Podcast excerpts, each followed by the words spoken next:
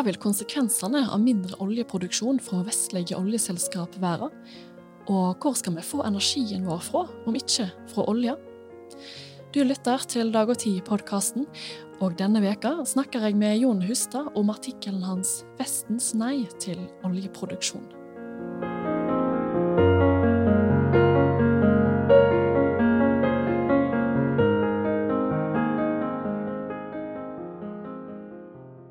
Velkommen, eh, Jon Hustad.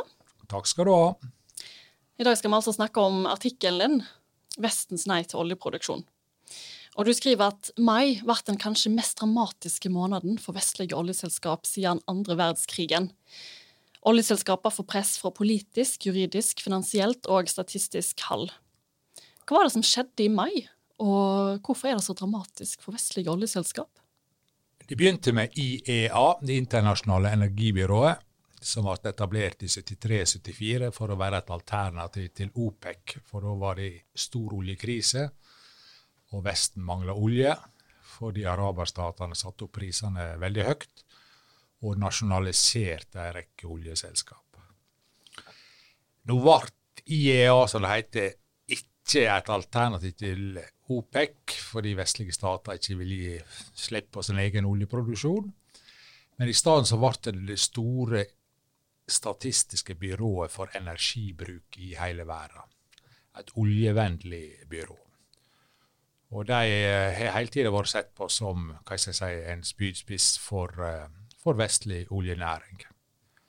Men i mai så la de fram et nytt veikart der de prøvde å fortelle hvordan verden kunne vært fri for menneskeskapte utslipp av klimagasser innen 2050.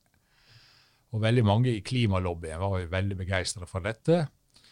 Og det skaper jo en lett pessimistisk stemning for, i oljenæringa når IEA lager et alternativ der vi ikke skal slippe ut CO2 lenger. Så, kort tid etterpå, så kom det en dom i eh, Nederland. Og hovedkontoret til et av verdens største selskap, eh, Shell, ligger der. De produserer litt naturgass fortsatt i Nederland, men nesten alt av produksjonen deres er spredt rundt jordkloden. Men en domstol i Nederland, ikke på basis av en ny lov, heller ikke på basis av vedtak i parlamentet, sa at det var å krenke menneskerettene å fortsette å slippe ut så mye CO2 som Shell gjorde. Så de ga ordre om at Shell nesten skal halvere utslippene sine innen 2030, altså om åtte-ni år. Og De skal ikke bare eh, redusere egne utslipp, men de skal også ta ansvar for utslippene til det kundene kjøper fra Shell. Altså gassen og oljen de kjøper. Og det er jo et veldig sterkt vedtak. Og, og Shell sier at de skal prøve å få det til. Men å nesten halvere på ni år er jo veldig, veldig, veldig vanskelig, og om i det hele tatt de lar seg gjøre. da. Mm. Så enden på visa kan jo være at Shell flytter fra Nederland. For denne uh, dommen gjelder jo bare innenfor grensen av Nederland. Uh, da kan de fortsette som før, for å si det slik. da. Mm. Og aksjeeierne er ikke lenger nederlendere, det er store internasjonale investorer. Mm. Eh, det er et aktivistisk amerikansk hedgefund. Noen få investorer. De har ikke mye penger. Men de fikk eh, generalforsamlinga i eh, Exxon, verdens tidligste største oljeselskap, og et oljeselskap som ikke har villet satse på vind og sol, men fortsette med utvinning av olje og gass. Et ekstremt lønnsomt selskap. Men generalforsamlinga ved hjelp av generalforsamlinga, det er aksjeeierne. Og de store aksjeeierne gikk sammen med disse aktivistene og gikk med på at det skulle komme styrerepresentanter fra klimalobbyen, for å bruke det uttrykket, inn i styret til Exxon. Og det er styret til Exxon som fastsetter den policyen som Exxon skal drive etter. I tillegg så skjedde det noe lignende for, uh, for uh, Chevron, som også er et stort uh, oljeselskap. Der sa generalforsamlinga at de måtte nesten også halvere sin uh, sin eh, oljeproduksjon og gassproduksjon. Eller ikke rettere sagt det, de sa, eller rettere sagt de sa at de måtte få ned utslippene vesentlig innen kort tid. Og både Exxon og Chevron er jo rene oljeselskap. Og når og oljeselskapet, som ja, de fleste andre som driver et marked, avhengig av investorer og finansnæring som stiller opp med lån. Og stemningen nå i USA er veldig negativt. Negativ overfor uh, det privateide oljeselskapet, og det merker vi her i Europa også. Og I tillegg så har jo det USA da en president, Joe Biden, som ikke lenger vil tillate at det blir økt oljeproduksjon i eh, Alaska, i uh, området som er verna av den føderale regjeringa. Og i tillegg så er han mot såkalt fracking, å hente opp olje og gass fra skiferformasjoner under bakken på føderalt land i USA. Og så har han i tillegg sagt nei til ei oljerørledning fra Canada til USA som skulle sikre forsyningene i Nord-Amerika. Nord i USA, altså. Ja. Så det ser altså ikke så bra ut for disse vestlige oljeselskapene. Men er det ikke bra at noe skjer nå, da? Pga. klimakrisa, eh, CO2-utslipp? Ja, det kan jeg gjerne si, men det er litt sånn kognitiv dissonans, som det heter på pent. Fordi vi har jo alle lært i skolene at Vesten er den store aktøren. Vesten er den som slår Hitler, Vesten er den som danner Nato, Vesten er verdenspolitiet. Og Vesten er den virkelig rike delen av verden. Men Vesten blir mer og mer irrelevant fordi 80, før oljekrisen i 1973 så kontrollerte de store amerikanske oljeselskapene pluss Shell og British Petroleum BP 85% av verdens olje- og gassreserver. Nå kontrollerer de og produserer de bare 15 85% av all den gassen og oljen som blir konsumert i verden hver dag, er produsert i diktatur. Og da snakker vi om Putin, og da snakker vi om denne ikke alltid like kan man si, sympatiske kronprinsen i Saudi-Arabia. Men hva konsekvenser får dette for ikke bare oljeprodusenter, men vestlige land, hvis vi skal kutte så masse ned i vår egen oljeproduksjon? Ja, Norge kommer til å merke det i den forstand at eh, Equinor ikke lenger kommer til å være like rikt som det kunne ha vært. De la fram sine investeringsplaner nå forrige uke, og i den 2030 skal halvparten av det de investerer, investeres i eh, vind, primært. Men avkastninga på vind er sånn røftlig kanskje 4% i året i levetida de oljefeltene som Statoil eller Equinor nå driver og åpner og har planlagt å sette i produksjon, der er avkastninga minst 30% per år. Det er litt forskjell. Sånn som Johan Sverdrup, det store feltet som ble åpna nå i fjor, det betalte seg sjøl ned på ett og et halvt år. Resten av tida er ren profitt. Mm. Og de pengene havner i eh, norske statskasser. I år så kommer Statoil etter alt å dømme til å få sitt største overskudd noen gang, nemlig 60 milliarder. Og så skal en da i tillegg huske at det, eller Equinor, må vi kalle det. Skal en huske at Equinor Equinor driver Staten eier en tredjedel av oljen og gassen på norsk sokkel, og det er et selskap som heter Petoro, som har ansvaret for. Det er det selskapet i verden som betaler nest mest penger inn i statskasse. Det er bare saudisk-arabiske storoljeselskap som betaler mer inn i statskasse enn hva Petoro gjør. Men disse feltene er det Equinor som har ansvar for å drive og utvikle. Og Equinor driver også leiting på vegne av Petoro. Da. Så når Equinor nå signaliserer at de vil investere like mye i uh, vind som i olje og gass, Eh, så er det et signal om at eh, det nok blir henta mindre olje og gass opp av norsk sokkel enn vi kunne for, se for oss bare for kort tid tilbake. Mm. Equinor tar signaler om at de må bli mer miljøvennlige. Men det igjen betyr at eh, det blir mest sannsynligvis produsert mye mindre olje og gass fra vestlige oljeselskap enn det vi kunne se for oss bare for kort tid tilbake. Mm. Vesten har vendt seg mot oljeselskapene. Og dermed så blir Putin og Saudi-Arabia mye mer dominerende. Og Putin investerer som søren. De skal bruke 170 milliarder dollar, som er røftlig 1,5 billioner kroner, på å utvikle et nytt gassfelt i Nord-Russland. Og det blir verdens største. Men hva er alternativene våre, hvis vi skal kutte så mye i egen oljeproduksjon? Nei, Hvis vi produserer mindre, så må vi kjøpe mer fra andre. Eller så må vi bruke mye mindre. Men nedgangen i bruken i Vesten, den er Ja, den er liten. Vi hører alle om den enorme satsinga Norge har hatt på å få ned utslippene. Men vi slipper omtrent like mye ut nå som i 1990. Da hører det rett nok med at vi er 25 eh, færre, flere personer i Norge. da. Så utslippene per person er gått ned med 25 eh, Men Norge er nokså unikt. Vi har subsidiert elbiler og lignende. Og ja, de fleste andre land eh, har veldig få elbiler. Og de nærmeste ti åra sier jo også IEA, da, det internasjonale energibyrået, at uh, oljeproduksjonen og gassproduksjonen kommer til å øke. Mm. Det eneste de egentlig ser en nedgang for på nær sikt, er, er kål. Ja.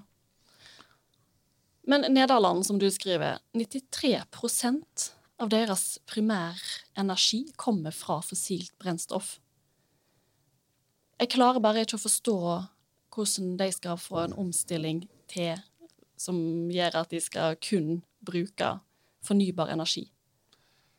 Nei, du er jo ikke alene om det. da. De kunne selvsagt ha bygd kjapt uh, atomkraftverk. Sånne småkraftverk er jo i ferd med å bli uh, veldig effektive, sånn som på 300 MV, som det heter. 300 megawatt. Og i USA der finnes det en del firma som kan lage små atomkraftverk fort og standardisert. Men da har vi dette paradokset at eh, verken nederlenderne eller tyskerne eller ja, Sveits har også slutta, skal slutte nå. Det blir stadig færre land i Europa som eh, produserer atomkraft. Og ja, da, da, da sliter vi, da. For Norge er jo dette veldig heldig i den forstand at vi bygger jo kabler i øst og vest. så Nå kommer det en til England, det er nettopp kommet en til Tyskland. så magasinkrafta vår er veldig mye mer verdt enn hun var før, da, fordi vind og sol er så ustabilt. Mm. Når det er kaldest om vinteren, så blåser vinden ikke, og da må du bruke sånn som i Nederland, gass, selv om de har bygd mye vindkraft.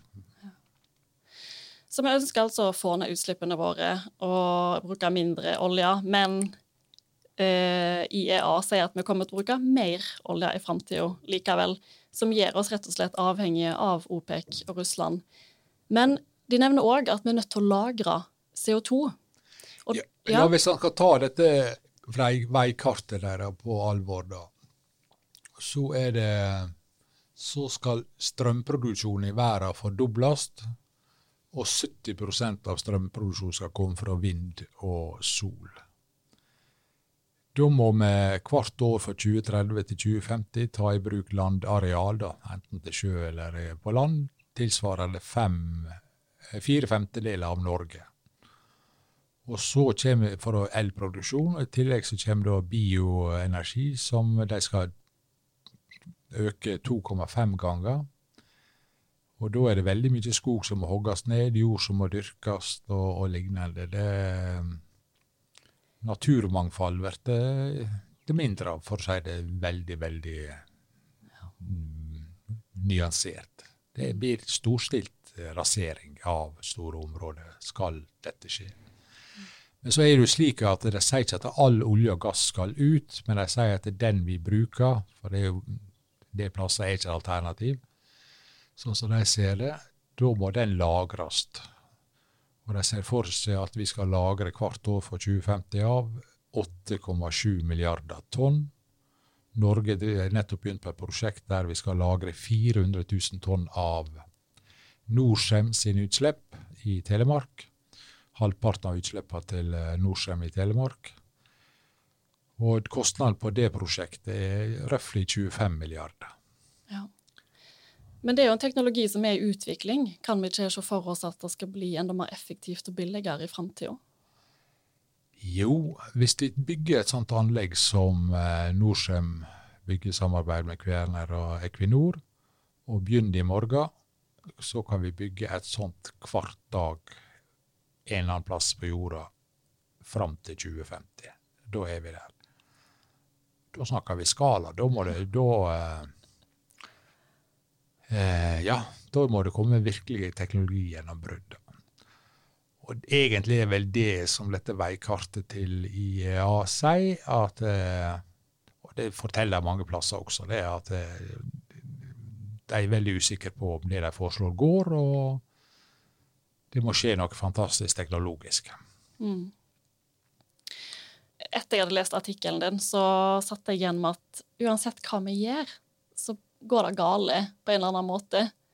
Eh, vi bør bruke mindre olje, men hvis vi gjør det, så kan vi bli mer avhengig av disse diktaturene, og vi ødelegger store naturområder med, å, med gruvearbeid og biodrivstoff. Um, og da lurer jeg på, for Du har jo skrevet mye om nettopp gruvedrift og klima og politikk og økonomi og hvordan alt dette her henger sammen. Er du optimist for framtida? Jeg skal ikke være så normativ som journalister, men jeg er bare fascinert av alt vi hører om alt som er mulig fra folk som ikke har satt seg ned og sett på fysikken og, og tallene. For meg er veldig mye av det som blitt sagt, uh, noe ja, metafysisk, religiøst over. Det, det, er et eller annet under som skal skje, og så skal det bli bra. Og I tillegg så er det jo slik at næringslivet er jo veldig interessert i å få fatt i penger fra statene. Så det er veldig mange som er på lag, idealister, og så stor del av næringslivet fordi de ser at de kan få penger fra stater. Men hvis han mener noe reelt med dette, så, så er jo det ei energikilde som er, ikke slipper ut CO2 og kan produsere enormt mye, og det er jo atomkraft. Men de samme ungdommene som er mest redd for uh, Amargeddon, er også de som er mest aktive mot atomkraft. Og et rasjonelt land som Tyskland, det er fantastisk hva det landet får til, de legger ned atomkrafta si neste år, helt og svenskene er på vei i samme retning, og ja Men du skal jo lagre dette atomavfallet en plass? Så små, små anlegg, de små uh, reaktorene, de har, knapt utslipp. og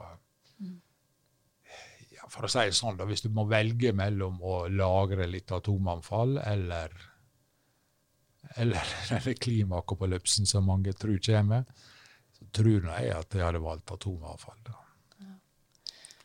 Hvordan eh, ser du for deg at 2050 kommer til å se ut?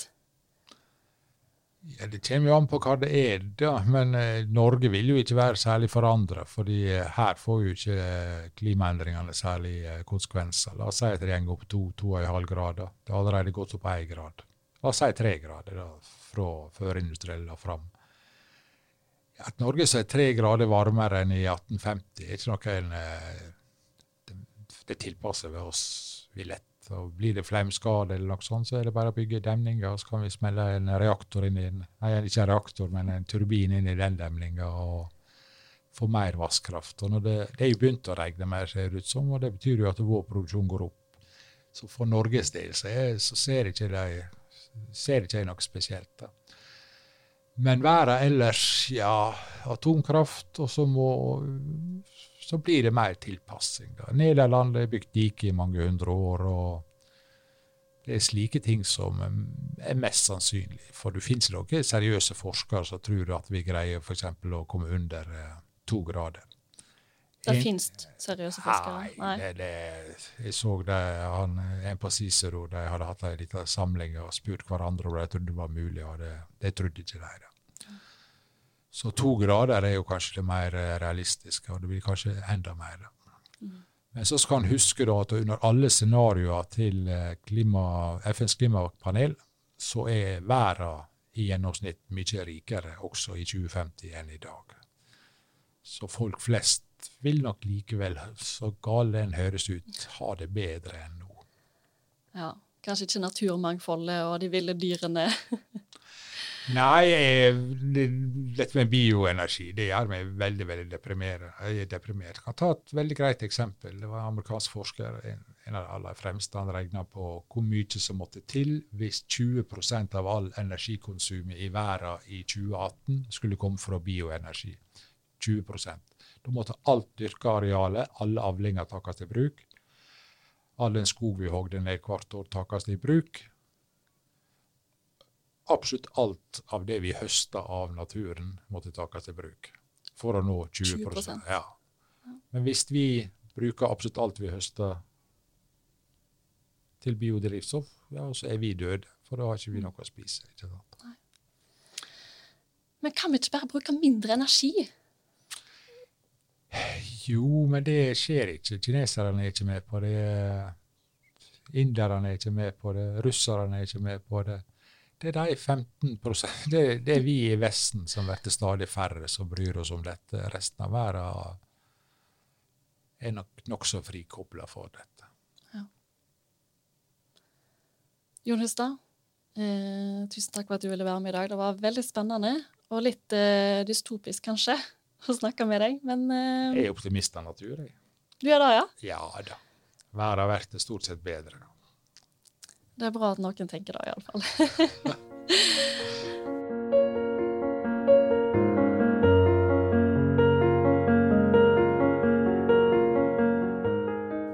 du lytter til Dag og Tid-podkasten.